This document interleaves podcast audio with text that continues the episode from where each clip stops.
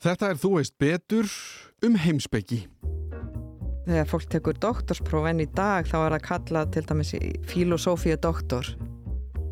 Þá eiginlega ætlast í til þess að þau fari sko út eftir námskeiðið með fleiri spurningar heldur en þegar þau byrjuðu.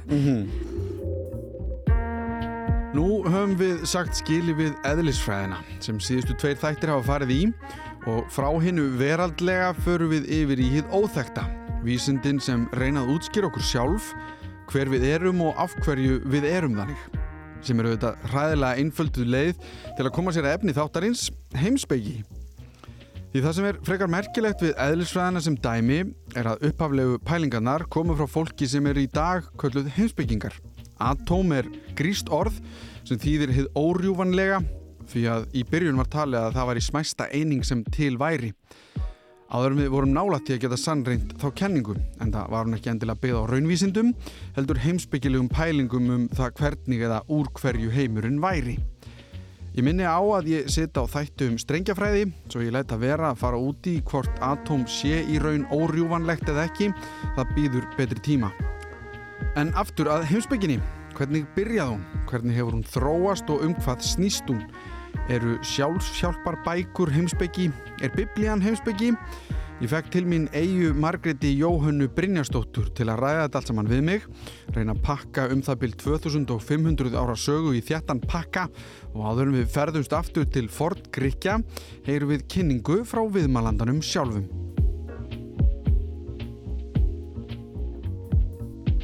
Ég heiti Eija Margrét Jóhannu Brynjastóttir og ég er prófessor í heimsbyggi við Háskóla Íslands. Ég hef verið á kafi heimsbyggi síðustu, ég er umlega 30 árin, eftir að hafa komið aðeins við í stærfræði og, og tónlist áður en ég fann heimsbyggina. Svo hefur heimsbyggin verið mér svona ástriða allar götu síðan. Mm.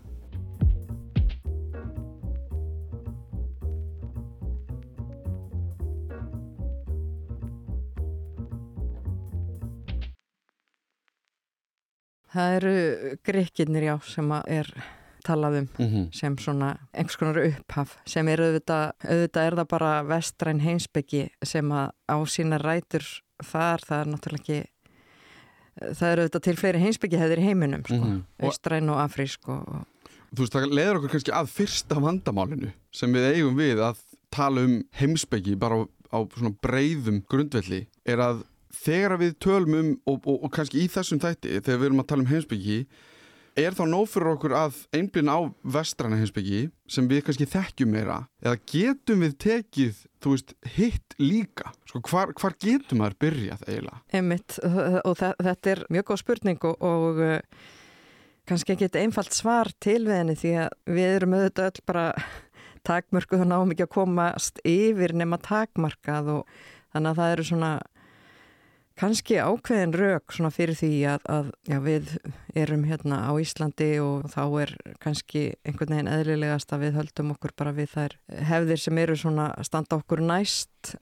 En þá eru við auðvitað að verða af alls konar bara mikilvægum og áhugaverðum hlutum sem að, að eru til í já eins og í, í öðrum heimsbyggihefðum og, og það hefur verið svona á undanförnum árum svona vaksandi krafa, já ekki bara Íslandi heldur svona í hinnum vestræna heimi að, um að það er að svona taka fleiri hefðir inn í til dæmis mm. kennsluefni og, og, og svo leiðis og, og þá náttúrulega erum við sem erum að kenna þetta svolítið vandræðum að því að við þekkjum ekkert nema okkar eigin húsagarð sko en, mm -hmm. en uh, væri auðvitað svona mjög æskilegt að fá fleiri inn. Það er enda, það, eins og hjá okkur í HÍ þá er, er stundum kent uh, heimsbyggja Asju, já, námskeiði því og, og, og nefndur hafa verið mjög áhuga samir um, um það yfirleitt.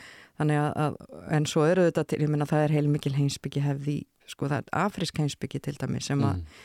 ég bara því miður veit allt, allt of lítið um mm. en myndi gætna vilja vita meir um en, en og svo eru þetta Suður Amerika og, og, og já, ég menna heimurinn er stór. Já, það er bara þannig. En, en sko, en ef við þá bara svona til einföldunar tökum þessa vestrænu heimsbyggi af því að, eins og segið, þú veist við bara höfum ekki bólmagnið til þess að fara út um allir trissur, ef við getum orðað þannig. Og þú talar um Fordgreiki hvenar fyrir hver lungun tíma, hvað er það mörg, mörg ár síðan? Svona Platón og Aristoteles eru þessi stóru og þeir voru uppi þarna hvað á fjörðöld fyrir Krist mm -hmm. þannig að það eru já, 2000 og 2300 Já. ára eitthvað svo leiðis Já. já, og svo eru svona stundum er svo talað um einhverja forvera Platóns sem að voru þá aðeins og undan sko. Mhm. já, já, en, en það er samt kannski ekki verið að fara mikið lengra tilbaka en 2500 ár. Já, að því þeirra, sko, að því að eins og eðlisfræði þátturinn sem var, klárast að það, sko, pælingarnar sem að raunvísindin taka einhvern veginn við af þess að reyna að finna konkrít svör við eru pælingar sem að heimsbyggingar kannski byrjuðu með að einhverju leiti í gamla gamla daga, sko, eins og atómið er það ekki, það kemur bara upp frá einhverjum heimsbyggipælingum, við höldum að þetta sé svona. Og síðan tekur raunvísindin við og reyna að segja hörðu, hvað er atóm og allt þetta? Og ekkert verður til upp úr engu þannig að auðvitað er eitthvað fólk byrjað að pæla árna kannski eins og þú nefnir Aristoteles eða Plató koma. En maður veldi því bara fyrir sér af því að maður hefur heyrt þessi nöfn svo oft. Já, og oft spyr ég er einhver svona, hérna, hvað segir maður forfeður heimsbyggingar sem við þekkjum eða eitthvað þá væri þessi nöfn alltaf nefnd. Já, og það er svona daldi ófrávíkjanlegt eiginlega.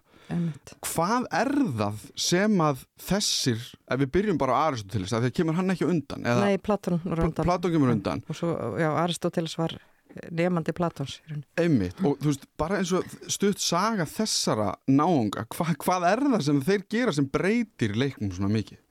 Sko það er auðvitað spurning líka um eh, kannski er það að þeir skrifuðu talsvert mikið og, og efni sem varðvittist þannig að það hefur auðvitað eitthvað að segja líka kannski voru einhverju fleiri sem að við bara höfum aldrei heyrt um að því að varðvittist ekkit frá þeim sko. Já sko Platón, já hann svona er í raunin að fjalla voðalega mikið um einhvern veginn hvernig við upplifum heiminn og tengjumstónum og, Mhm. og, og hvað getur verið til einhvern veginn svona handan upplifununa þannig að hjá Platóni þá er einhvern veginn það, það sem er raunverulegast er það sem við getum ekki skinjað af því að það er, það er eitthvað sem við getum bara numið með skilningnum Mm -hmm. Aristoteles fyrir svo út í að, að svona flokka hluti og, og, og býr til heilmikið svona kerfi, það eru verendir og það eru eðli þeirra og, og, og tilgangur Mm. En svo er auðvitað líka sko það sem að kannski þarf að hafa í huga líka er að á þessum tíma þarna í gamla daga þá var ekkert verið að gera einhvern sérstakann greinamun á heimsbyggi og raunvísindum eða einhverju svo leist, þá eins og Aristoteles til dæmis, ég menna hann, hann skrifaði sko plöntufræði og, og, og náttúrufræði og eitthvað svona. Og þeir eru einhvern veginn að velta fyrir sér hvernig er heimurinn og úr hverju er heimurinn og, og, og allt það sem að eðlisfræðingar gera líka sko. Já, líka við höfðum engin, við vorum ekkert byrjað að flokka í einhverja flokka þá, þú veist, þetta var ekki endilega kannski einmitt búið að skiptast í eðlisfræði, heimsbyggi, eitthvað þannig, þú veist, þetta var bara, heyrðu, hvað er að gerast í kringum okkur? Einmitt. og hvað er þetta upp á heimninum og allt þetta. Einmitt og, og, og þannig, að það, já, þannig að það var ekkert verið að gera einhvern svona greinamun á eins og er núna í mismunandi deildir í háskólum eða eitthvað svoleiðis sko, heldur bara þeir sem að eru að, að, að velta fyrir sér hvernig heimurinn er og, Mhm. og eitthvað svona fjallum það. Þannig að já, já, svo þessi, þessi svona flokkun í mismunandi vísindagreinar, hún kemur ekki fyrir miklu, miklu setna. Þannig að þeir eru, og kannski, það er kannski mikilvæga punktur sem þú nefnir að því að við eigum efni eftir það. Við vitum kannski meira hvað þeir voru að pæla frekar heldur en mörg önnur í kringum þá á Einmitt, þessum tíma. einmitt, Er það sko, að því að maður veldi bara fyrir sér því að það er, þetta er fyrir, frekar löngu síðan, mm 2500 árum kannski, eða þú veist aðeins minna, þetta er eitthvað þetta tímabil. Hvað gerist síðan einhvern veginn, er þeirra efni síðan tekið og byrjað að vinna út frá því? Eða þú veist, hvernig verður einhvern veginn, ef við segjum, kannski ekki endilega greinin til, heldur, þú veist, hvernig þróast þessar pælingar? Já, sko, það, jú, það er unnið áfram með þeirra efni Mm. og, uh, og það ferðast svona yfir í, sko, í miðausturlönd og, og svo í rauninni svona hverfur það Evrópu, sko, Evrópubúar fara í rauninni ekki að uppgötva svo aftur Platón og Aristoteles fyrir en sko löngu síðar Mhm. kannski, uh, uh, og, og það er þá í gegnum svona hinn, uh, hinn arabíska heim uh, þar sem að, að, að þeirra skrif hafa varvist þar sko. Já, ok, þannig að við bara einhvern veginn, þau bara geimast þar einhvern veginn og við, við erum kannski ekkert að nálgast þau og þau bara já, eru það eða sko Evrópubúar Já, ég að segja, já, ég segja en- við sem Evropabúar Já. þá En já, og, og það allavega svona, það er, já, það má segja að sko Evropubúar eigi miðausturlandabúum það að, að, að þakka sko að, að, að hafa varvitt. Það var geimt þetta bara Já, Já, svo má náttúrulega velta fyrir sér sko er kannski svolítið varasamt að vera innblýna of mikið á einhverja, einhverja örfá að kalla sko sem Mhm. að, að hérna hafi einhvern veginn að, að bara þeir hafi fundið upp heimsbyggina eða eitthvað þannig sko. mhm, auðvitað er fólk út um allt og öllum tímum alltaf að, að, að svona hugsa og velta fyrir sér sko heiminum og, og lífin og tilverinni. mhm. En ef við hugsun kannski bara um sko með að við, hvað ég var að segja réttindi eða stöðu kvenna að þá var kannski ekki líklegt að þær yrðu einhvern veginn svona hvað er prominent á, á íslensku svona einhverju leiðandi heimsbyggingar á þessum 2000 árum eða eitthvað sem líða eða hvað? Já, sko það voru Eða þekkjum við einhverja kvenkins heim, svona stóra heimsbyggingar sem eru á þessum tíma? Vitum við eitthvað um? Já, sko heimsbyggi sagan hefur verið vola, snúast vola mikið um kalla Mm -hmm. En uh, það hefa svona á setni árum þá hefur orðið svona ákveðin endurvakning og, og mikið verið að rannsaka hvað er til og, og, og það, hafa, sko, það hefur fundist heilmikið af heimildum Mhm. uh, svona skrifum eftir konur og, og þó að þær hafa sko vissulega alltaf verið miklu færri Mm en, en kallarnir, þá voru þær alveg til og, og, og sumar voru bara vel þekktar á sínum samtíma og svona en, en, en svo er svona, það er svona ákveðin tilneying og náttúrulega ekki bara í heimsbyggi heldur, fólk þekkir þetta úr alls konar greinum að, að sagan á það til að gleima konum miklu fyrir en köllum. Þannig að jafnvel þær konur sem voru frægar að þær kannski bara gleimast og En þetta hefur svolítið eins og bara þegar ég var í námi sjálf, þá fengum við einhvern veginn þau skilabóð bara, já þá voru bara einhver konur að skrifa, hvort sem við erum að tala um sko fornöld eða, eða meðaldir eða, eða nýjöld. En svo hefur það svona komið meir og meir í ljós að það, það voru alveg konur. En þú þarf kannski að leitast eftir því að... Já, en, en það hefur til dæmis verið gefið út alveg heilmikið af efni um allavega sömur þessar kvenna sko, Mhm. svona á setni síðustu árum og og áratöfum. Það er alveg konur sem er talað um eins og í fornöld, það er þarna Hypatia og einhverjar svona nokkra sem að Og fornöld er þá sami tími og, og Platón Já, og Aristoteles. já, er, já, emitt, já. og svona, og fram til svona tíminn fram að, fram að miðöldum. já. En svo, en það hefur til dæmis verið heilmikil gróska í að, að finna sko skrif kvenna frá, frá nýjöld, svona 17. og 18. öldinni. Og það var eiginlega það sem ég ætlaði að spurja um næst, sko, þannig erum við í fornöld, ef við byrjum þar, og síðan koma miðaldir, sem að eru kannski þekktu tími fyrir að vera svona frekar hræðilegu tími fyrir fólk. Ég veit það ekki, ef við tökum bara Platón og Aristoteles að þeir virðast hafa kannski fengið að bara svona pæli heiminum og, og hvað er í gangi og, og rökraða við hinn og þennan og sem kannski verður lífið aðeins erfiðara hann á miðöldum þannig að það gefst kannski minni tími til að pæli af hverju eru við hérna eða einhverju svona heimsbyggilegum pælingum. Er einhver svona dauðurpunktur í heimsbyggisögunni, er einhver svona eins og miðaldir þar sem að það er bara ekkert sérstaklega mikið að gerast? Já, ég held að sko miðalda heimsbyggingar myndu taka því mjög illa ef að ég fer að segja. Já, en, en eh, ég menna það er alveg sko ímislegt áhugavert að gerast á, á miðaldum og, og miðaldir eru náttúrulega langur tími, ég menna þetta eru Ég bara að hugsa um eitthvað þúsund, Bretland og það er allt í eða Já. svo, já, og það er náttúrulega kannski það sem að fólk fyrir ofta að hugsa um er einhverja svona, já, ég veit það ekki, einhver Það- ógnarstjórn eða eitthvað svo leið, sko, Einmitt, það er en, það sem ég hugsa En það eru náttúrulega alls konar, ég meina náttúrulega landnám Íslands á sér stað á miðöldum Mhm. og, og, og ritun Íslandikasagna á sér stað á miðöldum og, og, og hérna. En sko ef við að- tökum bara það Já. að því gerði nú um Íslendingasögurnar Já. og landnámið að þá verist það til dæmis hafa verið frekar hræðilegur tími til þess að vera til sko. bara á Íslandi. Þú ert bara að reyna að komast af þú ert bara að reyna að hérna, lifa. Já, og þá kannski ert ekki mikið að skrifa niður pælingaðinnar um lífi og tilurina. Það var kannski það sem ég var að íja að sko. En það er náttúrulega, náttúrulega gildir að ef fólk lifir í fátækt sko eða eitthvað svoleiðist, Mhm. þá náttúrulega skiljanlega þá, ég meina ef fólk bara þarf að virkilega berjast til að hafa í sig og á og þá verður það auðvitað bara aðalatrið í lífinu og, Já. og ekki mikil tækifæri til að gera eitthvað annað og það hefur náttúrulega, ég meina það var náttúrulega mjög mikil fát, fátækt á Íslandi til dæmis bara á sko 19. mm Já, þannig að það, það já, ég, ég er ekkit viss um að sko að það, miðaldir sko í heldina hafi verið eitthvað verið, þannig nú er ég ekki miðaldafræðingur Nei, nei, en hérna og, en, Nei, ég vil ekki flokka þannig, það er alveg bara sko, sko, að því ef ég hugsa um þróunin á þessum tíma án þess að hafa endilega kynnt mér eitthvað brjálaslega mikið að þá hafði ég heyrt um Platón, Aristoteles, Já. einhver svona nöfn Já. og ég heyri ekki um önnur nöfn,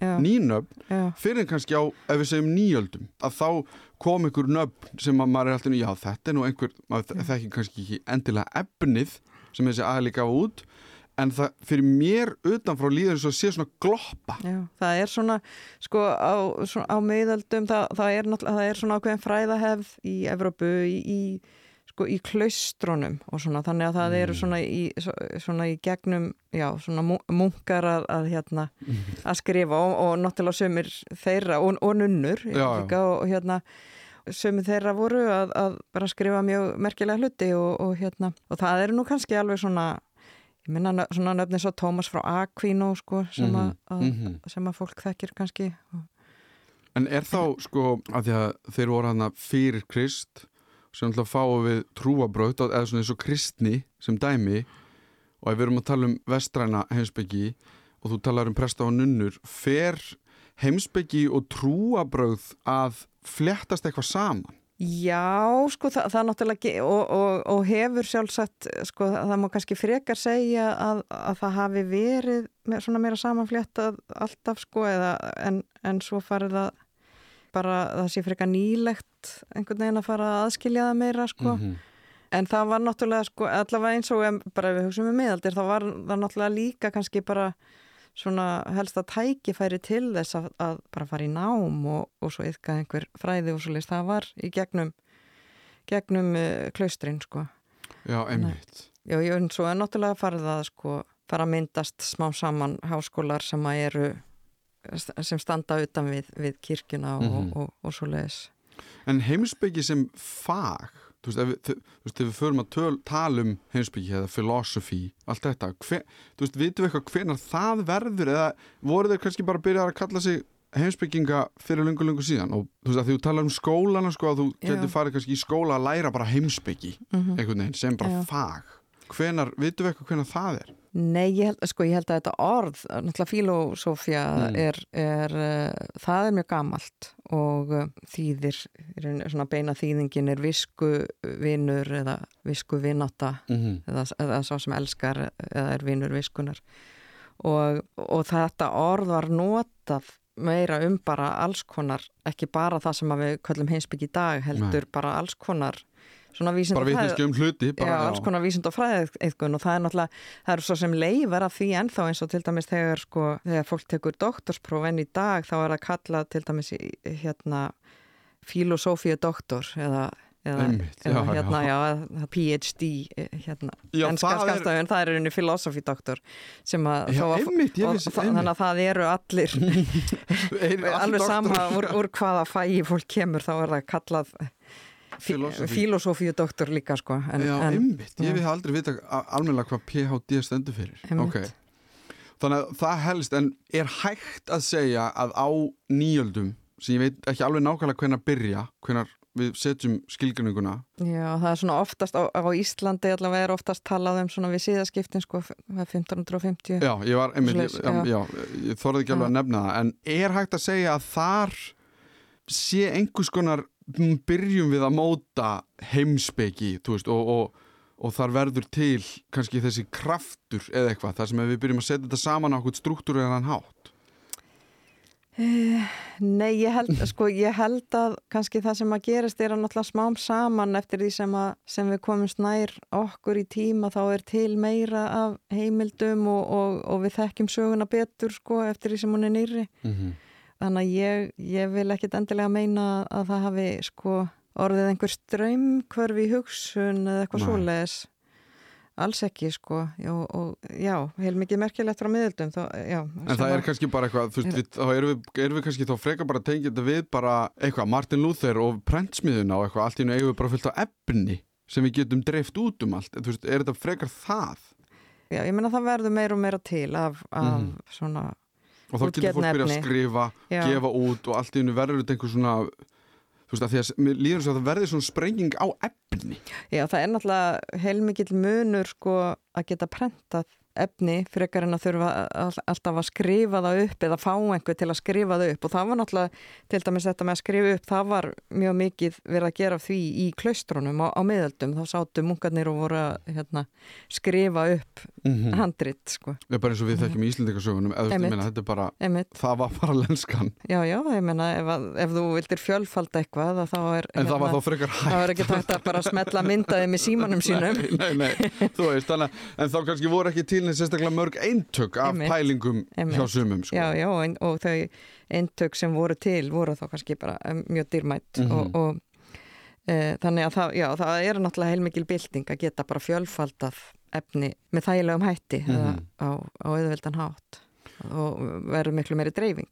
Ég pæli bara í því sko að því að þú nefndir, þú veist, við höfum búin að tala um trúabröðin sko eins og kristnina. Nú hef ég ekki lesið biblíun að spjaldan á milli en auðvitað þegar maður er yngrið þurftum maður að fara í vatnarskó og maður svona veit nokk eitthvað en þú veist, það eru dæmisögur og það eru svona pælingar mm -hmm. um það hvað er að vera maður eða mennskur mm -hmm. þannig að það er alveg hægt að segja jú það er einhver bóðskapur sem er trúarlegur í biblíunni en hann er líka einhver liti heimsbyggilegur mm. og það er náttúrulega það rít sem er fjölfaldað af, sagt, af og í klaustrunum hvað mest lítur að vera er hægt að líta á það líka sem einhver part af heimsbyggi hvernig hún er að dreifast um heiminn? Bara biblíuna?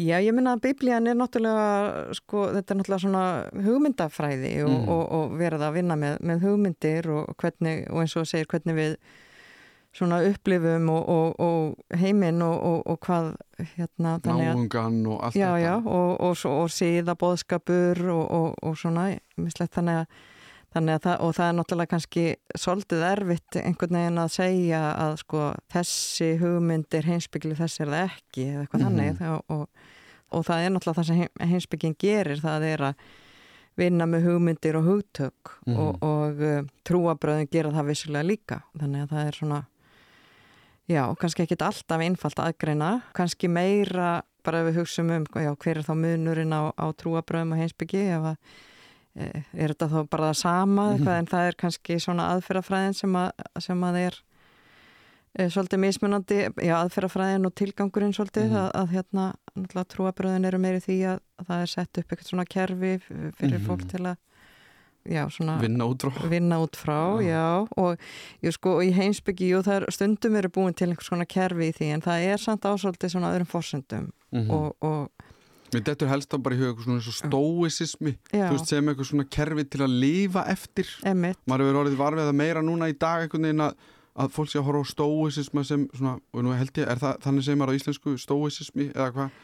Já, eða, svo er í heimsbygginni þá að tala um stóispeki. En, en, en þetta er einhvers já. konar, þú veist, hvað er maður að segja, við, þú veist, að því það eru þarna einhverjir, og ég prófa að lesa hvað, hérna Seneca og einhvern svona mm. stóis, stóiska spekinga að þeir eru rosa mikið að pæli í sko hvaða er að vera mennskur Einmitt. og hvernig eigi að þetta eru næstum því trúalegi tekstar að einhverju leiti að það er verið að tengja við eitthvað kerfi og hvernig, -hmm. við, hvernig er best að vera maður eða eitthvað svo leiðis þannig að, og fólk held ég segjum sem þú hættir að trúa á kristni eða hinduismi eða mm -hmm. hvað sem það er að þá viltu kannski eitthvað annað kerfi koma í staðin eða eitthvað, bara hjálp við að vera að lifa, að þá einhvern veginn kemur það líka sko, eins og stóisismin en það, mér finnst það að vera kannski eina sem er svona konkrít kannski eitthvað svona eins og einhver trúabröð Já, sko, já En annars þetta mér eiginlega ekkert kannski í hug meira sem er svona þetta svona er góð leið til þess að lifa. Mm -hmm. En það er náttúrulega, en ég minna, en vissulega erum við, sko, það má segja, við erum náttúrulega ofta veltaði fyrir okkur í hinsbygginni og bara í dag, sko, að hvað eru goða leiði til þess að lifa, en, en, það er, en það er svona kannski ásvöldu öðrum, það er svona kannski miklu sterkari krafa til dæmis um raukstuðning mm -hmm. heldur enn í trúabröðum, að, að í trúabröðum þá er meira verið að einhvern veginn að hugsa um hvernig það passi við kerfið eða, og eitthvað á hvað Guð segir eða eitthvað svo leið, sko, en, mm -hmm. en en í heimsbygginni þá uh, eins og í siðfræði til dæmis þá eru við vissulega að skoða hvernig sé hvernig sé best að lifa eða hegða, hegða lífi sínu en, en, eh, en þá er til dæmis krafa um að, að alltaf þessi krafa um raukstuðning mm -hmm. ekki bara hér heilega orð nei, nei, á hverju segir að þetta sé betur en þetta og, og, og svo er alltaf hægt að koma með og en hvað ef og, og þannig að það er svona þessi möguleiki á að endurskoða þá og já, nei, já, allt í lagi já, kannski væri það þá betra að mm -hmm. hafa þetta eins öðruvísi mm -hmm. eða, eða raukin eru styrt eða hvernig sem það fyrr En er þá, sko, ef við reynum að klára söguna á þessu hundavaði sem er alltaf 2000 og eitthvað ár eh, ef við verðum bara svona selektív og segjum bara ok, ef við tökum þetta sem við þekkjum hvað mest af, síðan að það byrjaði að brenda bækur, það kemur þetta flóð og við byrjum að fá kannski fleiri aðila sem eru rosa stórir einhvern veginn í heimsbyggilegum pælingum og þá við kannski að tala um síðustu hvenar er Martin Luther að prenta þetta er 300 ár eða eitthvað svo leiðis 400 ár sen við byrjum eitthvað þinn að eða tökum bara miðaldir, 1550 mm. stór nöfn á þessu tímabili sem einhvern veginn breyta því nú er nýbúin að tala um eðlisfræði og þar getur við nefnt bara já þannig er Newton og þannig er Einstein og það er eitthvað svona, höfum við eitthvað svo leiðis í heimsbygginni, einhverja svona hvað hefur að segja, resa Já, já, ég menna það er náttúrulega sko erfiðara kannski nefna eftir þessu nær dregur að það mm. verða, man, þá finnst mann það kannski vera fleiri en það er náttúrulega sko, eins og til dæmis þegar við erum að kenna nýjaldarheimsbyggi þá er yfirleitt alltaf að byrja á Descartes sem að náttúrulega hefði gríðarlega áhrif. Er náttúrulega kannski þekkja flestir uh, hérna þessa sko, tilvittnu nýjan kókit og ergosúm eða ég hugsa því er ég. Og hann er með svona okkurna tvíhyggju aðgreiningu sálar og líkama eða hins andlega heims og efnislega heimsins og svo eru, já, svona raunhyggju raunhyggjumenn eins og, eins og Locke og Hume sem að það eru svona nöfn sem að, mm -hmm. lestir þekka og, og Barclay já, já, fleiri náttúrulega þarna frá sko, stór nöfn en já, Descartes er svona kannski svona einhvern veginn sá sem að er litið til sem einhvern veginn svona að nýjaldar heimsbyggi sé svolítið svona hefjast með honum þó að mm -hmm. ég held að það sé aldrei sangjandi að rétt að að segja einhver einn maður hafi, nei, hafi fundið upp nýjaldar sko, þá verður heldur ekki til í tómi sko. nei, all, alls ekki og, og auðvitað var þetta kart undir áhrifum frá einhverjum öðrum og, og, en það eru svona, svona ákveðin stórnöfn mm -hmm. sko, og svo náttúrulega Kant, Immanuel Kant mm -hmm. sem að kemur í, í kjölfarið sko Já og svo eru, ég meina það er alls konar náttúrulega stór nöfn í heimsbyggisögunni En ég pælit í til og með eins og þessir. Já. ef við segjum, þú veist, ef við tökum Descartes nú kannski mun ég fara í töðnar að því ég mun alltaf reyna einfalt allt niður í bara svona rosalega einfalt. En ef við tökum bara hann og hann er Newton heimsbygginar eða eitthvað, hann er með einhverja pælingar sem bara svona doldi kollvarpa einhverju Já, ég menna hann er með, hann, hann er, setur fram þessa tvíhyggju og það eru margir sem fara að, til dæmis að breyðast við henni og, mm -hmm. og svara og, og uh, ef efni og andi eru aðskilin og eðlisóli, hvernig getur þá til dæmis hugurinn haft áhrif á reyfingar okkar mm -hmm. ef, ef, ef hugur minn er í eðlisínu andlegur og hendurnar mínar, hendurnar á mér eru efnislegar, hvernig getur þá hugsun mín valdið því að ég hreyfi hendurnar mm -hmm. ef, að, ef að hendurnar lúta allt öðrum lögumálum heldur en hugsunin mm -hmm. og, og, og þannig að það er til dæmis svona vandamál sem að er fara að takast á við en svo, svo þeir voru þarna á þessum tíma þarna sko 17. 18. öld mjög, þannig að þeir voru mjög uppteknir af svona svolítið sambandi hugar og heims og mm voru mikið að velta fyrir sér skinnjuninni líka, hvernig virkar hún, mm -hmm. hvernig skinnjum við heiminn í kringum okkur, hvernig förum við að því og, og, og hvað er það sem við skinnjum, hvaða eiginleikar eru það eða hvernig getur við að þekkingu á, mm -hmm. á heiminum, það er líka svona stór spurning þarna sko, já og svona manns, ímislegt sem tengist mannshugunum. Mm -hmm. En ef að einhver sem er að hlusta hefur farið í gegnum ákveði ferli lífisinu sem er að lesa sjálfsjálfarbækur eða eitthvað slíkt að þá líður alltaf ákveðin tími þángu til að þú ert búin að lesa nokkrar og þú áttar að á því að margar hverjar vísa alltaf bara í sama kjarna. Þar eru bara endur pakkaðar á mismundi hátt. Og oft er það buddhismi mm. til dæmis en þá veldi ég fyrir mér eins og Descartes og þessar pælingar hans. Eru þær byggðar á einhverju sem til dæmis Platón eða Aristoteles voru að pæli eða er við á þessum tíma að koma með nýjar pælingar? Þú veist eins og Descartes og nú veit ég að þú náttúrulega veist ekki allt sem allir þessi skilur voru að skrifa að segja. En ég bara veldi fyrir mig sko hvort að, að því að ef við tökum bara að því ég tók Newton samanbörðin mm. að hann bara finnur upp á nýjum hlut. Hann bara áttar sig á einhverju sem að á sér stað í heiminum. Saman með Einstein eða eitthvað. Er eitthvað svipað eða er hann að taka einhverja pælingar sem eru mjög gamlar og segja, heyrðu, þetta er mitt twist á það? Já, sko ég held að ég vil einhvern veginn meina að við, að við séum alltaf undir einhverjum áhrifum frá einhverju sem kemur á undan sko. Mhm. þannig að, og, og svo er þetta náttúrulega líka spurningum það að kannski þetta kart í þannig aðstöðu að hann gatt hann hafði tækifæri til þess að koma þess á framfæri sko. mm -hmm. og þannig að það breytist út þannig að já, mér finnst svolítið erfitt að svara þessu af því að ég, sko, ég meina það eru kannski, jú, ímislegt í framsetningunni sem að, að svona nýstar, nýstárlegt hjá hann eins og Mhm. til dæmis hann í hérna svona, já, hugleðingum sínum þá fer hann eiginlega á stað með það að, að sko einhvern veginn að, að sanna hvernig við getum haft þekkingu yfirleitt á heiminum í kringum okkur þannig að hann byrjar að, að stundum tala um kartisískan Eva sem að, að er í rauninni svona ákveðið verkfæri hjá honum að hann, hann fer á stað og segir ég ætla að byrja á því að ég ætla að efast um allt mm. og ætla ekki að treysta neinu. Og svo, en svo vinnur hann sig í rauninni upp úr evanum með því að, að, að, að svona sanna eitt þreip í einu, hverju get ég treyst?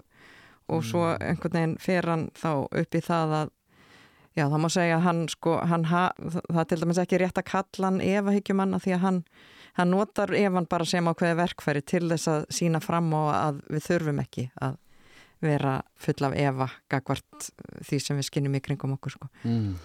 en það er kannski svona aðferðafræði sem að var, já, mjög nýstárleg Mhm. og, og en svo má náttúrulega segja, náttúrulega eins og þessar hugmynd, þessar tvíhyggju hugmyndir um, um sko aðskilið efni og, og anda, þær eru náttúrulega sko, Hefur ekki alltaf verið að bæla því já, Sko. já, og þær eru náttúrulega kannski beintengdar til dæmis inn í kristna trú, sko Já. þannig að, að já, þannig að það, það, það er ekki beint hægt að segja að það hafi verið einhverja glænýjar hugmyndir Mhm. en, en þannig að það er kannski meira hvernig hann setur hlutina fram og, og, og, og svona hvernig hann stillir þeim upp og, Mm. og, og setur þá í samhengi hvernig annan sko, sem að e, hefur verið mjög svona áhrifaríkt sko. sem, sem er náttúrulega líka, menna, er það ekki líka einhver leiti hvernig fræðigrein verður til þú veist, að því ég nú er, þú veist, ég, svo öðvöld verið með að hugsa alltaf um eðlisvæðina því ég er nýbúin að tala um hana sko, en, Já. en að í henni þá varð regluverkið í kringum rannsóknir, þú veist, hvað er það að vera eðlisvæðingur, það er að gera tilgátur, tilraunir, þú veist, það er að sanna einhverja hluti og þá verður til eitthvað regluverk um hvernig við gerum hlutina, hvernig við vinnum hlutina til þess að finna einhverja niðurstöður Mhm.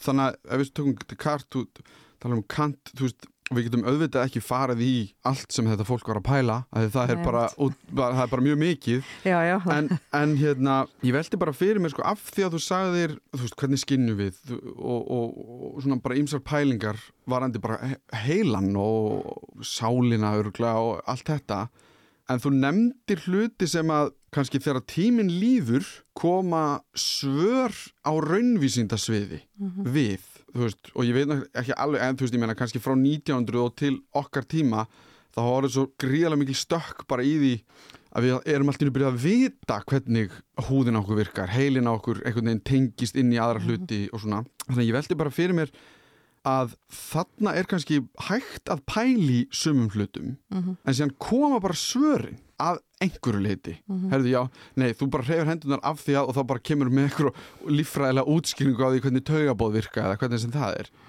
Þannig að hvernig breytist heimspekin svona, ef við segjum á okkar tíma innan gæsalaba, ef við tökum kannski 1900 eða eitthvað, eftir þessi svör byrja að koma, breytist heimspekin mikið varðandi bara, ok, í hverju erum við að pæla, eða erum við alltaf að svona tækla þetta hvernig samband eigum við bara við heiminn eða okkur sjálf eða hvernig sem það er? Já, sko, það, í sömum tilfellum eins og segir þá og það eru kannski, kannski er eitthvað skipta skoðanir um þetta eins og innan heimsbygginar en, en ég er allavega svolítið svona á því að við getum ekki sko hunsað eitthvað sem að hefur komið fram í, í raunvísindum og, og þetta, þetta er til dæmis dæmi sem er dettur í hug er, er varðandi svona heimsbyggi svona heimsbyggilegar hugmyndur um hvað litir eru mm -hmm. og hérna og það eru svona ákveðni hlutir sem sko eðlisfræðin, já, í rauninni eðlisfræðin og svona taugasálfræði og, og, og geta sagt okkur um liti og litaskinjun Mhm. og það eru svona, á, til dæmis svona ákveðnar kenningar sem að voru nokkuð vinsælar um það hvað litir væru sem að innan heimsbyggi sem að var eiginlega kollvarpað af því að, að sko meiri upplýsingum um það hvað er það sem gerist ef við skinnjum liti og hvernig Mhm. virkar það. Það var hægt að segja bara augum virkar svona, svona virkar heilin, einhvern veginn Já. og bara, já, ok. Já, þannig að, og, og, þa- þannig að það er svona hverði samspil milli ljósendurvarps og, og, þessi má sér stað í, í, í augunum og, og, og taugabóðum til heila, Mhm. heila og svo framvegð sko. Og það er ekki tægt að hunsa það sko. en ég held að sko, vísindin gefa okkur samt ekki kannski alveg svörin við eins og því hvort sko, eins og til dæmis ef við segjum að litir séu samspil milli hérna, þess sem við upplifum þegar við skinnjum og þess sem að á sér stað á yfirbori hluta og, og, Mhm. og ljósinu og, og að, að þá er svona líkur samt eftir einhvern veginn spurningin en hvað er það með svoleiðis hluti eru þeir þá er þetta þá eitthvað sem að við búum til eða er þetta eitthvað sem heimurinn gefur, eh, sem er í heiminum óháð okkur? Mm og, og e- eða eitthvað þar á milli? Það er ekkert einfalt að svara því þannig að það er alltaf ákveðnar heimsbyggilega spurningar sem að, sem að verða eftir. Eins til dæmis með það hefur stundum verið tekið sem dæmi einhvern veginn frjálsvilji sem að Mhm. og sumir hafa einhvern veginn vilja halda því fram að, að sko taugasálfræðin geti bara gefið okkur svari við því hvort við séum með frjálsan viljað ekki að því að eitthvað, þetta og þetta gerist inn í heilanum á okkur og, og Mhm. svo leiðis en, en það gefur okkur samt ekki svarið við svona þeir, þessari heimsbyggilegu spurningu um þó að við séum með á, hreinu eitthvað hvað gerist inn í hausnum á okkur sko og að það lú, lúti ákveðnum lögmálum en þýðir það að viljin sé frjáls eða ekki sko. Mhm. Já, þannig að það er svona, ég myndi segja að það sé ákveðin samvinna og það er náttúrulega líka samvinna sem á sér stað í, og ég myndi svona þverfægleg samvinna sem, að, sem getur verið mjög áhugaverð og mikilvæg Mhm. eins og milli hinsbyggisálfræði, tauga líffræði og, og, og, og svona ímessa greina sko. Mhm. Ef við tökum bara 20-höldina, 20. aldar heimsbyggingar, Mm -hmm. nöfnir sem þú nefndir áðan voru alveg nöfn sem ég hef heyrt og kannski Mhm. lesið einhvern tíman um eða eitthvað. 20. aldar heimsbyggingar, eru það jafn stór nöfn eða hvað getur við nefnt þar? Að því ég líka gefa svona ef að fólk er að hlusta og vil googla einhver nöfn, sko. Emitt. Sko það er náttúrulega, það er hérna svona í vestrætni heimsbyggi þá það er stundum talað um að það hafi orðið svona tvær megin hefðir, það hafi klopnað svolítið þarna í sko byrjun 20. aldar Mm. þannig að annars verður talað um meginlandshefðina sem er svona kjönd við meginland Evrópu, Frakland, Þískaland og svo er það eh, það sem hefur verið kallað eh, analítiska hefðin eða eh, sem að eru svona tengt meira við enskumælandi lönd Mm þó að svo náttúrulega svo skipting er ekkert alveg Klift og skori. klift og skorin sko en, en, en það er, eru svona talað um þessar megin hefðir og að það eru svolítið svona mismunandi aðferðir og, og kannski í, í þessum tveimur hefðum en uh, þannig að svona, já, ég minna í byrjun sko 20. aldar þá, ég minna, já, það eru er náttúrulega Bertrand Russell Mhm. sem að hann er svona sko úr Já, hann er þar, já. Já, hann er úr einsku mældi hefðin og hann er náttúrulega kannski svona ágætt dæmi því hann Russell lifði svo lengi svo aktífur svo lengi sko þannig Mhm. að hann er að skrifa í rauninni heimsbyggi og, og reyndar gera ímislegt annað en yfir svo langt tímabil Mm en alveg frá því bara mjög snemma á 20. öld og, og fram til, já, manni ekki nákvæmlega hvernig hann er dómi, minnir að það hafi verið eitthvað upp á 1970 kannski en, Já, en, það er svo seint. já, Já. En hann er svona kannski, já, svona eitt af svona stóru áhrifa miklu nöfnunum sko Mm og, og, og reyndar og skrifaði um alls konar hluti sko þannig að, að, að það getur verið mjög gaman að lesa hann til dæmis. Úr uh, meginlandsæðinni það, jú, það eru náttúrulega svona mjög, uh, náttúrulega eins og flestir kannast kannski við Sartre, Mm. Jean-Paul Sartre.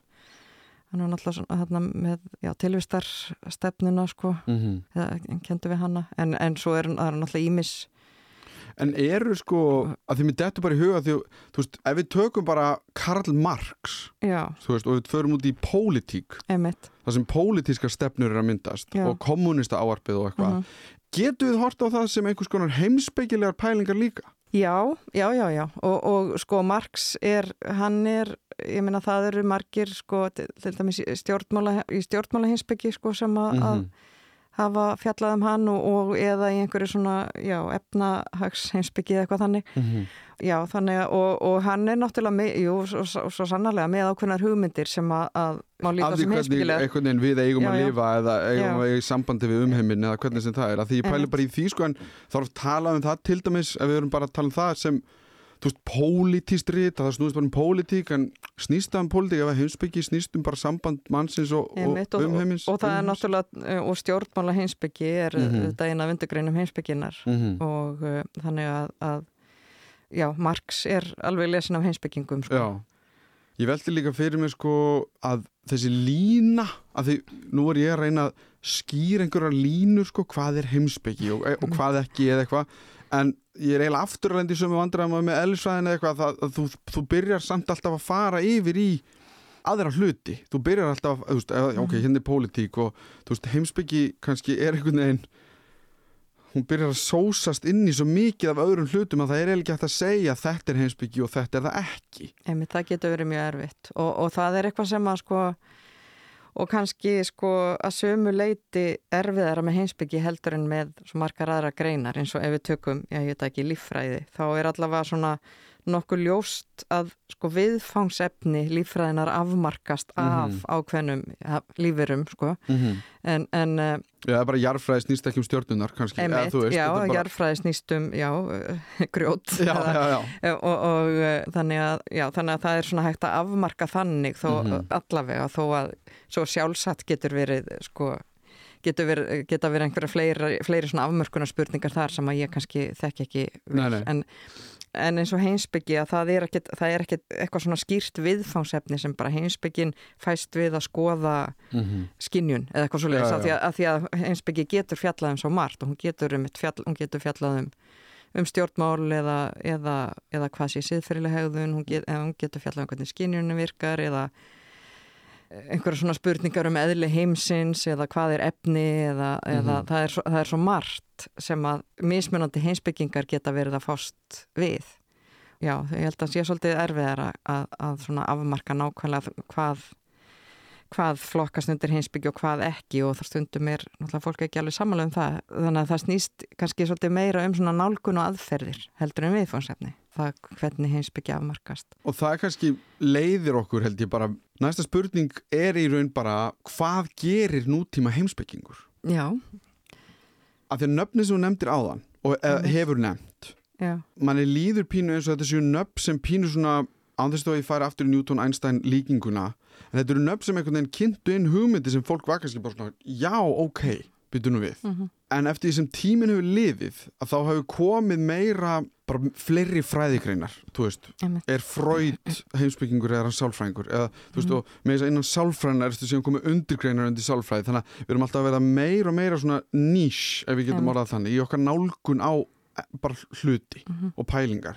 Maður veldi fyrir sig sko þess að þessi nöpp sem voru einhvern veginn að kollvarpa okkar hugsun. Er einhver tækifæri fyrir það að gerast aftur mm -hmm. eða hvað er það sem að einmitt nútíma heimsbyggingur pælir í, er eitthvað eftir eða veist, veginn sem er á þetta nýtt, ég er eitthvað ósamála því en, en veist, það er þetta sko, hvar er, hvar finnur nútíma heimsbyggingur kannski sinn sinn stað. Já, í heimi og samfélagi sem er alltaf að breytast þá kom alltaf nýjónu í viðfánsefni sem að verður áhugavert að fjallum. Mm -hmm.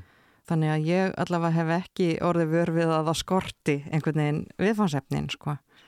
Segjum svo að við ætlum að pæli samfélagsmiðlum eða eitthvað. Mm -hmm. Er erfitt, segjum fyrir heimsbyggina að segja að já, þetta er efni sem við getum pælt í. Mm -hmm. Þegar allumis kannski bara sálfræðin er líka að segja já, en við þurfum að bara rannsaka hvaða áhrif þetta hefur á okkur. Mhm. Skilur, og fá einhverja konkrétt niðurstöður. Eða hérna viðskiptamótilið kemur og segir við, að, við getum reiknað út hvað efnahagslega áhrif þetta hefur. Um. Þú veist það er ímsar aðra, aðrar greinar sem er að býta í já. efnið og heimsbyggin kannski, já ég veit ekki, hefur þú veist hvar hún finnur sér stað innan þess alls. Já.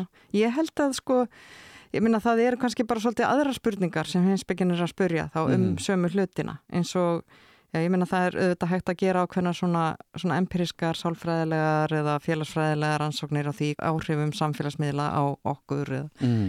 en, en heimsbyggin væri þá kannski frekar að fást við já hvað Já, náttúrulega meðal annars kannski síðfyrirlega hliðar á, mm á samfélagsmiðlum, er, hvaða hérna, hver eru síðfyrirlega áhrifin, er þetta síðfyrirlega rétt? Og, og, og eða setja þetta í samhengi við svona kannski einhvern pólitískan struktúr ef við förum svona tengjum við stjórnmálahinsbyggi mm -hmm eða svo væri hægt að fara út í sko spurningar um eitthvað svona eðli samfélagsmiðla, hvað eru samfélagsmiðlar eða, mm -hmm. eða hvað er það sem að gera hvað er ég innan samfélagsmiðla? Emitt, er emitt, hvert er mitt hlutverk og eitthvað sko, hvað er sjálfið emitt mm -hmm. og, og, og verða breytingar á sjálfinu eitthvað þannig. -hmm. þannig að það, það er alls konar eh, hérna Já, ég minna það er alls konar svona spurningar sem er hægt að fástu. Ég er til dæmis sjálf að, að fara að stað á svona fleirum með hérna rannsóknarverkefni um áhrif eh, MeToo hreyfingarinnar á eh, siðferðilega hugsun og siðferðilega gildi og eh, þannig að það er svona,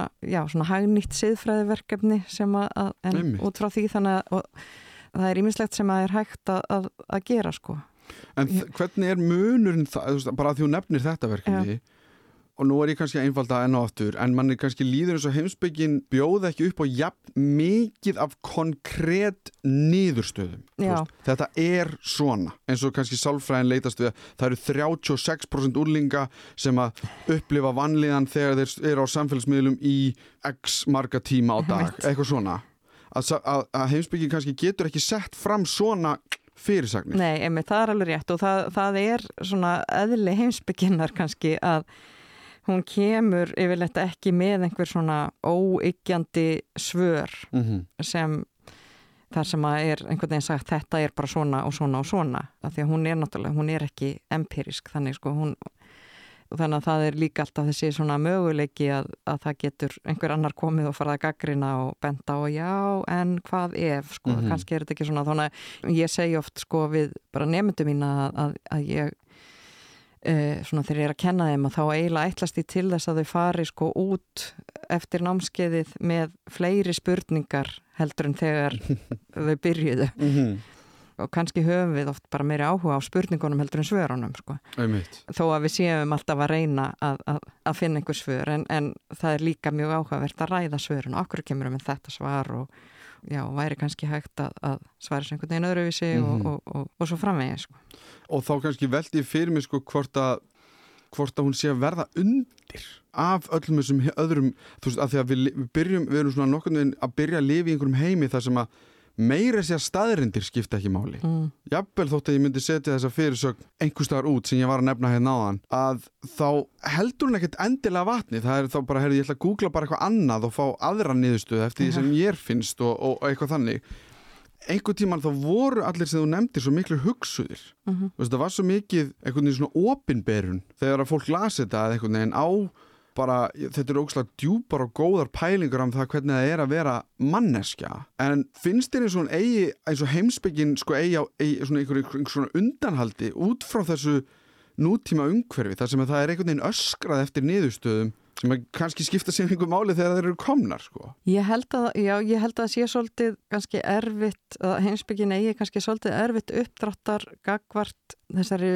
miklu kröfu um hraða mm -hmm. sem, sem að svona hefur verið, já, bara verið meir og meiri á mm -hmm. því að mhm. það kannski náttúrulega að því að tæknin er líka að verða þannig að það er einhvern veginn, það er hægt að, að, að byrta allt strax og, og, og, og nálgast allt strax og dreifa því strax og þá verður svona einhvern veginn til þessi krafa um að bara ef eitthvað gerist, ef eitthvað kemur upp þá áttu bara að vera búin að mynda þér skoðin á því eftir eina mínútu mm -hmm. og hérna og svo ertu bara búin að opinberana fyrir öllum heiminum með því að skellingur á Twitter eða, mm -hmm. eða og, og, og þá er það bara þín skoðun sem að þú hefur bara ekki haft já, ég menna kannski hugsaður þig bara um í eina mínútu sko mm -hmm. og, og þetta er hræðilegu stað þess að ræða hlutina ef það er heimsbyggi ef við, ef við erum að byggja heimsbyggi líka á því sko að Heimitt. tala saman En, en heimsbyggi eh, náttúrulega til þess að það sé eitthvað varið í hana þá þarf að vera bara ígrunda hlutina mjög vel og velta mm. þeim fyrir sig fram og tilbaka og það gerum við ekki á einni mínútu eða, eða fimm mínútum eða ég menna það getur tekið þessuna mörg ár sko, mm -hmm. að að komast að einhverju niðurstöðu þannig að ef krafan er einhvern veginn að við eigum að vinna allt svo hratt og, og vera alltaf svo fljót að, mm. að þá það, það er ekki svona góður jarðvegur fyrir heimsbyggi held ég. Mm -hmm. En er þá sko, þú veist eins og bara heimsbyggi nám, sko hvernig byggjum við það upp á þessum tíma þar sem að það er einhvern veginn allt sem þú varst að, allt sem þú varst að nefna sko. og líka kannski bara svona að því mér langar til að ef það er einhver ung, eða ungur að hlusta það að fara í heimsbyggi hvaða heim opnar það ég þekki einn heimsbygging sem fór í heimsbyggi hérna sem er bara pródusent í vikunni og er að búa til dagskrarefni sko. Einmitt. honum fannst frábært í heimsbyggi þá til að það sé kannski ekki bein tenging á milli þess og þess sem hann er að gera núna en það er kannski, þú veist, þýnst heimsbyggi um að kenna einhverja hugsun eða, eða hvernig byggist heimsbygginám í dag kannski með að, við, að, við, að því við erum búin að fara við söguna kannski hvernig það var einu sinni sko það sem heimsbyggi nám gefur manni það er með svona þjálfun í hugsun og ég held að það opni augumargra fyrir svona kannski nýjum leiðum til þess að hugsa hlutina og, og að alls konar bara áhugaverðum spurningum, frekar en svörum kannski Mhm. um bara heiminn og lífið og tilveruna og, og, og allt saman sem að ég er náttúrulega ekki hlutlus, ég er náttúrulega sjálf heitlaðist á heimsbygginu og, og valdi mér hana sem mitt lífstarf en, en hvað En var það- það þá til dæmis eins og fyrir þig sem þú heitlaðist að var það þessi, þessi uh, hérna, þetta samtal? Eða, eða Já, bara sko, já, mér fann, fann- fannst strax einhvern veginn opaslega heitland að geta verið að spyrja einhvern veginn svona bara mjög erfiðra spurninga sem að vera kannski ekkit endilega fyrirleikjandi einhver skýr svör við mm -hmm. og vera að spurja slíkra spurninga um bara alls konar hluti. Og, og það er, finnst, hefur mér líka fundist heitlandi við hinsbyggina að, að það er hægt að fást við svo margt eins og ég var að tala um áðan að, þetta með að, að það er ekkert eitthvað svona skýrt afmarka viðfangsefni í hinsbygginni, það Mhm. er hægt að beita þessari hinsbyggilegu hugsun á bara eða hvað sem er. En eh, já, þannig að mér- hefur allavega fundist það mjög svona bara gefandi að, að geta tekið þátt í að hugsa og ræða við aðra og það er náttúrulega mjög mikilvægt líka að það er kannski ekkit endilega gaman að sitja alltaf bara einhvern veginn heima með nefið honni bók og ekki tala við neitt um, um, um heimsbyggina það er mjög gefandi líka að, að eiga í samræðu við, Mhm. við, eh, við fleiri og, og heyra þeirra hugmyndir og, og þá, þá er maður líka ofta að læra eitthvað en sjálfa sig, já, ég hafði ekki hugsað út í þetta all, og þá er líka þetta að fara að hugsa okkur allir það sé, okkur allir ég hef aldrei hugsað út í þetta en, en hinnum fannst það svo augljóst. Og hefur þá heimsbyggin náð að hvað maður að segja, tengja sig að þú nefndir sko, að ég man ekki hvernig orðar það pólitísk heimsbyggi stjórnmála heimsbyggi, já, afsakið að hefur þú náð að tengja sig einhvern veginn aftur að því að nú horfði ég á einhver þáttum um svartól eða ég man ekki alveg eða, eða, eða óendanleikan eða eitthvað Mm. og þá var heimsbyggingur í þættinum mm það var líka fullt af hérna, theoretical physics og allt þetta, einhver Já. svona sprenglært skamtafræði og allt þetta -hmm. en þessi heimsbyggingur var pínu að segja sko að við höfum leitast eftir að finna svör við mjög mörgu í heiminum, hvernig náttúrun Mhm. virkar, hvernig heimurum virkar og það hefur gengið að einhverju leiti, við höfum fengið svör við einhverjum hlutum, Mhm. en að það þurfa að muna sko hvaðan orðið atóm kom, já, hvaðan við byrjuðum á þessu mm og það voru innan gæðsalappa heimsbyggingar, voru mjög margt annað já, já, en við nefnum bara, segjum bara heimsbyggingar sem byrjuðu að pæla í þessu. Já, já, þetta er náttúrulega, já, þetta er náttúrulega, þannig sé orð, sem- orðið atóm kemur úr grískri, já. Þannig að þú veist og hann var að pína að nefna sko að við höfum daldið farið mjög geist í eina átt og kannski glemt að einhverju leiti því sem undan kom.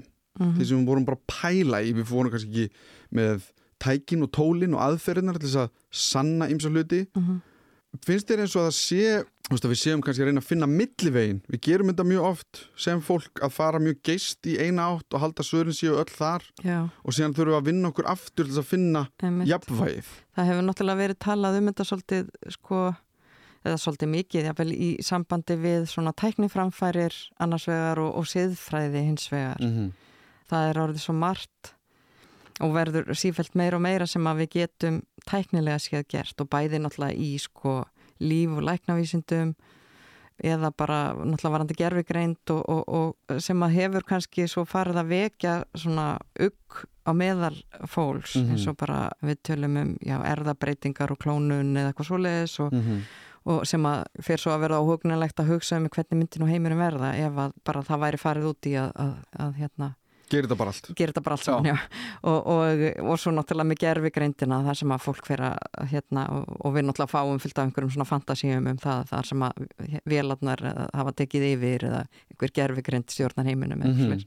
og það eru kannski svona einmitt dæmi um það sem að, að sko tækninni hefur einhvern veginn fleikt fram en svo einhvern veginn förum við svona staldra svolítið við og hugsa ok, á hvaða, bara, á hvaða leið erum við hérna og hvað mm -hmm. Er þetta rétt, ættum við að vera að gera þetta? Og, og þannig að þá svona þarf að að fara að huga betur að siðferðilegu spurningunum. Og siðferðilegt, sko, að því og nefndi sið, siðfræði. Já. myndi það vera undir flokkur af heimsbyggi? Já, já, já. Og að því ég veldi bara fyrir mér allt sem þú nefndi sko, því nú er ég búin að taka viðtal um gerðugrind meðal annars. einmitt.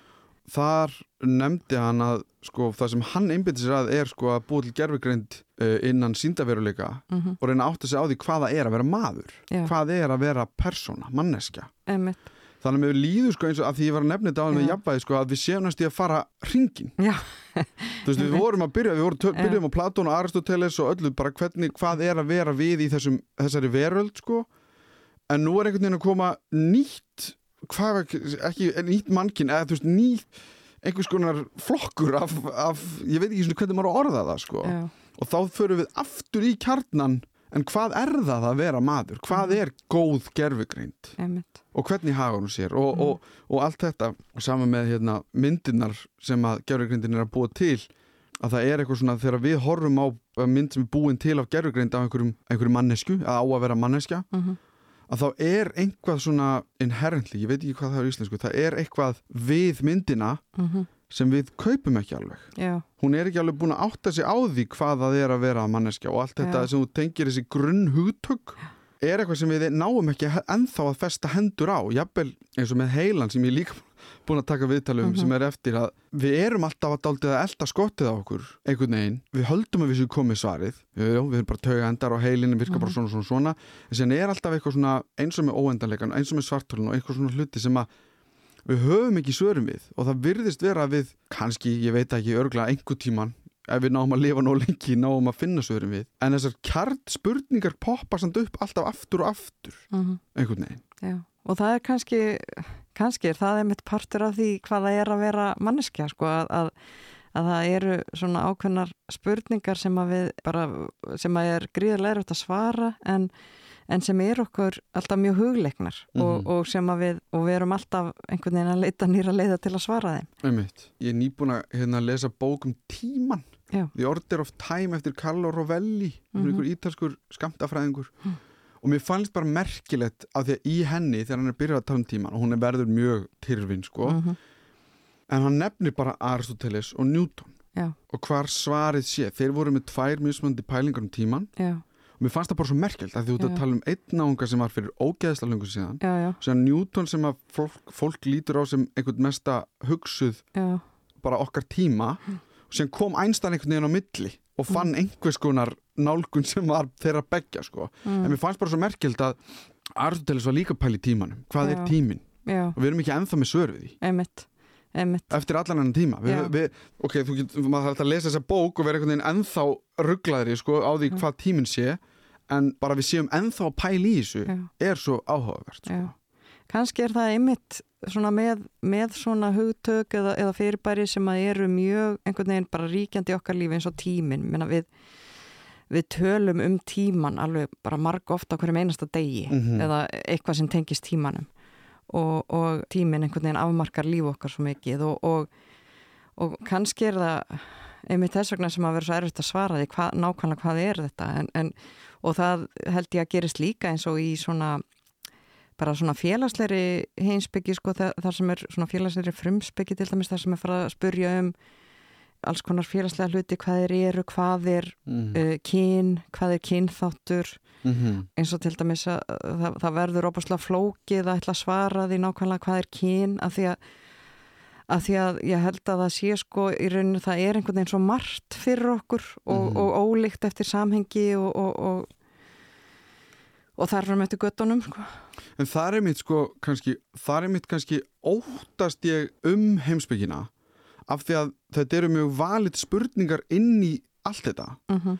en oft finnst manni eins og heimurinn sem við lifum í sé að reyna til dæmis að taka kyn og festa það kyn er þetta hér. Já, kyn er æxlunarfæri þegar þú fæðist eða eitthvað. Já, já. og það sé svarið sko Og, já, og það er náttúrulega það sé ekki tími einhvern veginn fyrir heimsbyggina nei, við ætlum ekki að pæli því. Einmitt. það er bara svona, þetta er vísindalega sannað eða eitthvað. Einmitt, það er, það er svona ákveðin tilneying til uh, til innföldunar sko. Mhm. að bara við viljum bara fá hérna eitt svar og, og bara og, veist, og það þarf að vera hægt að setja það fram í einn stuttir setningu mm þannig að það er svona kannski ekkit velkomið að, að svo, svo kemur einhver heimsbyggingur og segir já en þetta er nú kannski ekki alveg svona einfalt það getur stundum verið þetta, stundum eitthvað annað eða, Mhm. eða, eða til þess að útskýra það þá, þá þarf ég að hérna, bara fá tíu mínútur hérna til að einmitt, bara til að pæli þessu Já. sko. já. eða, já, og, og til þess að útskýra hvað nákvæmlega Já, hvað er sko, af, því að, af því að það kannski já,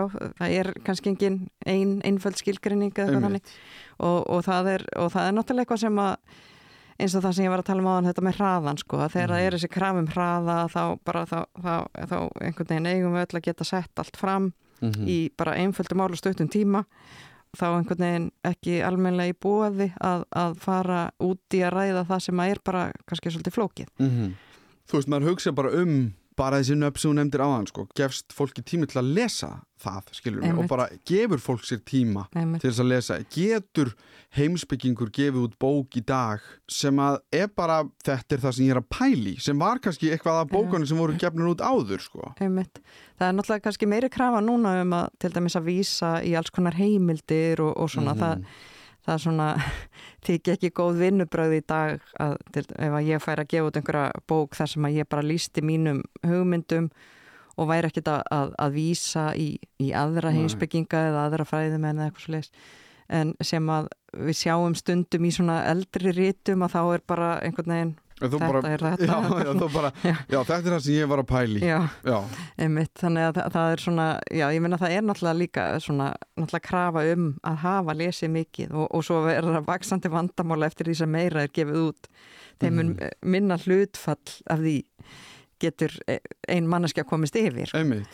Og er sko, eru, eru sjálfsjálfar bækur að einhverju leiti, þú veist, höfum við breytt hugtækinu um heimsbyggjibækur Mm. og heimsbyggjirít til þess að taka inn sjálfsjálfarbækur að einhverju leiti. Þú veist, Sko, þetta er stór spurning, já, ég veit já. það sko, en, en Sko það er náttúrulega kannski, ég hugsa þess, ég, ég meina, ég held- að við sjáum það nú kannski ekki mikið inn í háskólum og svona, þó að, sko ég, ég vil svo sem ekki, ég meina það eru alveg til sjálfsjálfarbækur þar sem að eru koma fram einhverja mjög merkilegar hugmyndir Já, sem að er kannski full ástæða til þess að vinna með og, og, og hérna kynna sér en, en, en þær eru náttúrulega, já ég meina þær eru auðvitað misjafnar sko eins misjafnar þær eru margar. En, en, en oft er náttúrulega kannski verið að reyna að fara einhverja svolítið svona auðveldar leiðir sko.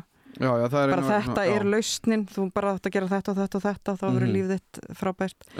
Og, og, uh, en, en það er náttúrulega stundum í svona kannski svona almennri umræðu þá er stundum talað um eitthvað svona sko já þetta er mín lífsheimsbyggi eða eitthvað svona og þá er það kannski í rauninni lýsing á einhverju lífskoðun bara Mhm. eða, Þú veist, ég pældi bara í The Secret, skilur mig. Já, Þú veist, er það, verður það ekki að einhvers konar lífsspeki fólks, sko? Jú ábyggilega sko það, það, hjá sumum. Bara, já, herðu, þetta já, hérna þetta er það sem þarf að gera til þess að lifa góðu lífi og, já, já. Þannig að, en ok, en þetta var svona kannski smá útudúr Mhm. En hérna, ég pæli bara í framtíðinni að því mér Mhm. langar aðeinslega að snerta á henni sko, hvernig, bara hvernig horfum við til framtíðar með heimsbyggi, bara sem heild sem, sem fag eða hvað sé að fræðigræn segja Já, sko, ég, ég held að, að, að það séu heilmikil tækifæri en ég held að það, sé, það er eitt svona sem að er held ég mjög svona mikilvægt að halda áfram að vinni nú kannski sem betur fyrir farið svolítið að stað en það er eins og ég var að tala um áðan þetta með að sko þessa endurvakningu verk eftir konur og líka umræðu um að einskurða sig ekki alltaf bara við vestrænu hliðina og eitthvað svona að, að það er svona um þetta að koma því betur að innan heimsbygginara að náttúrulega heimsbyggja á að vera eitthvað sem að sýnir mannlega hugsun í öllum sínum fjölbreytileika mm -hmm. og, og, og þá verður hún uh, náttúrulega mjög takmörkuð ef, að, ef það er mjög einsleitur hópur sem að ef að við sko einhvern veginn lesum bara og tölum bara um hugmyndir einhverja,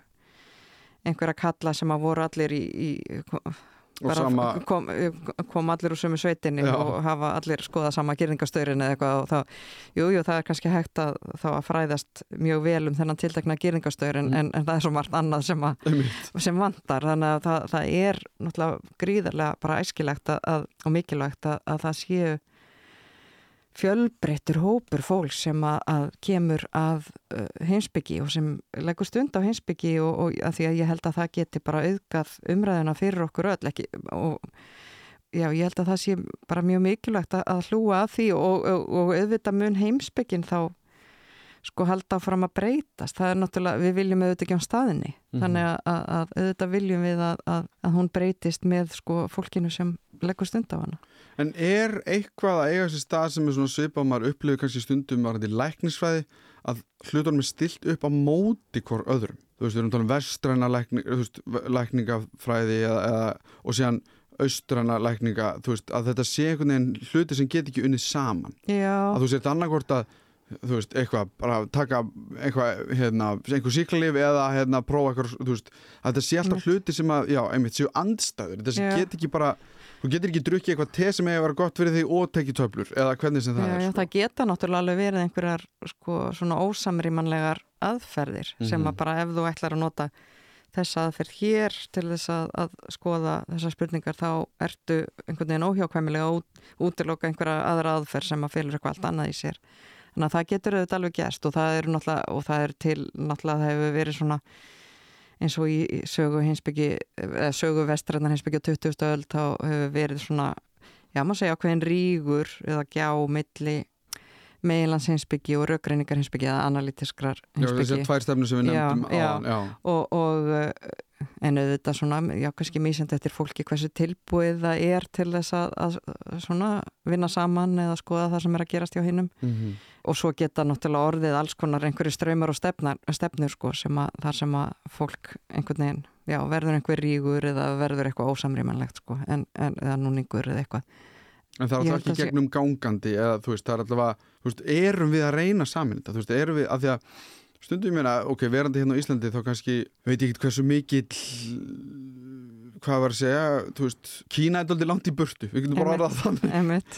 þú veist, þannig að, og eins og þú nefndir að þetta er náttúrulega bara það er meirinn að segja það að ætla sér eitthvað allt í hennu að dempa sér í austrana heimsbyggi eða austurlanda mhm. heimsbyggi já, já. en það er náttúrulega til, ég minna það og ég minna það er náttúrulega, ég minna það eru náttúrulega fólk á Íslandi sem hefur sérhætt sig í því sko mm -hmm. og, og hérna þannig að, að, að það, það er alveg hægt já, já, já en, en þannig að ég, ég menna það að, og, og það er kannski bara eins og í svo mörgu öðru, það er alltaf þessi spurningum sko hversu mikið ætla ég að eida tíma mínum orgu, ég halda áfram að sérhæfi mig í því sem að ég þekki nú þegar mm -hmm. og kafa dýbra í það eða ætla ég að fara á breytina og, og hérna og kynna mér eitthvað annar staða frá sko og, og sem að og kannski langar okkur til að gera hvort tveggja og, og, og þá er það spurningum að sólarhengurinn sé ekki nú að langur allt það en, Tímin, en eða hvernig við forgámsröðum sko. En, en ég held að sé uh, já ég minna ég held að sé þetta bara æskilegt að hafa sem mestan fjölbrytileika og að vera opinn fyrir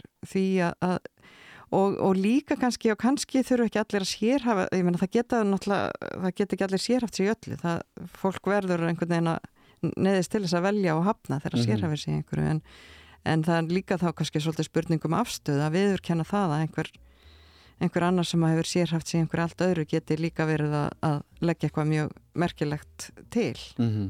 þó að það sé ekki alveg innan mínsramma sko. Hér komum við að lokum yfirferðar okkar um heimsbyggi sem spannar auðvitað rúmlega 2500 ár svo það er ekki fræðilegur möguleiki að fara mjög ítalega í allar þær pælingar sem komið hafa fram eða merkilegt fólk sem uppgötaði nýjar hliðar á tilverunni.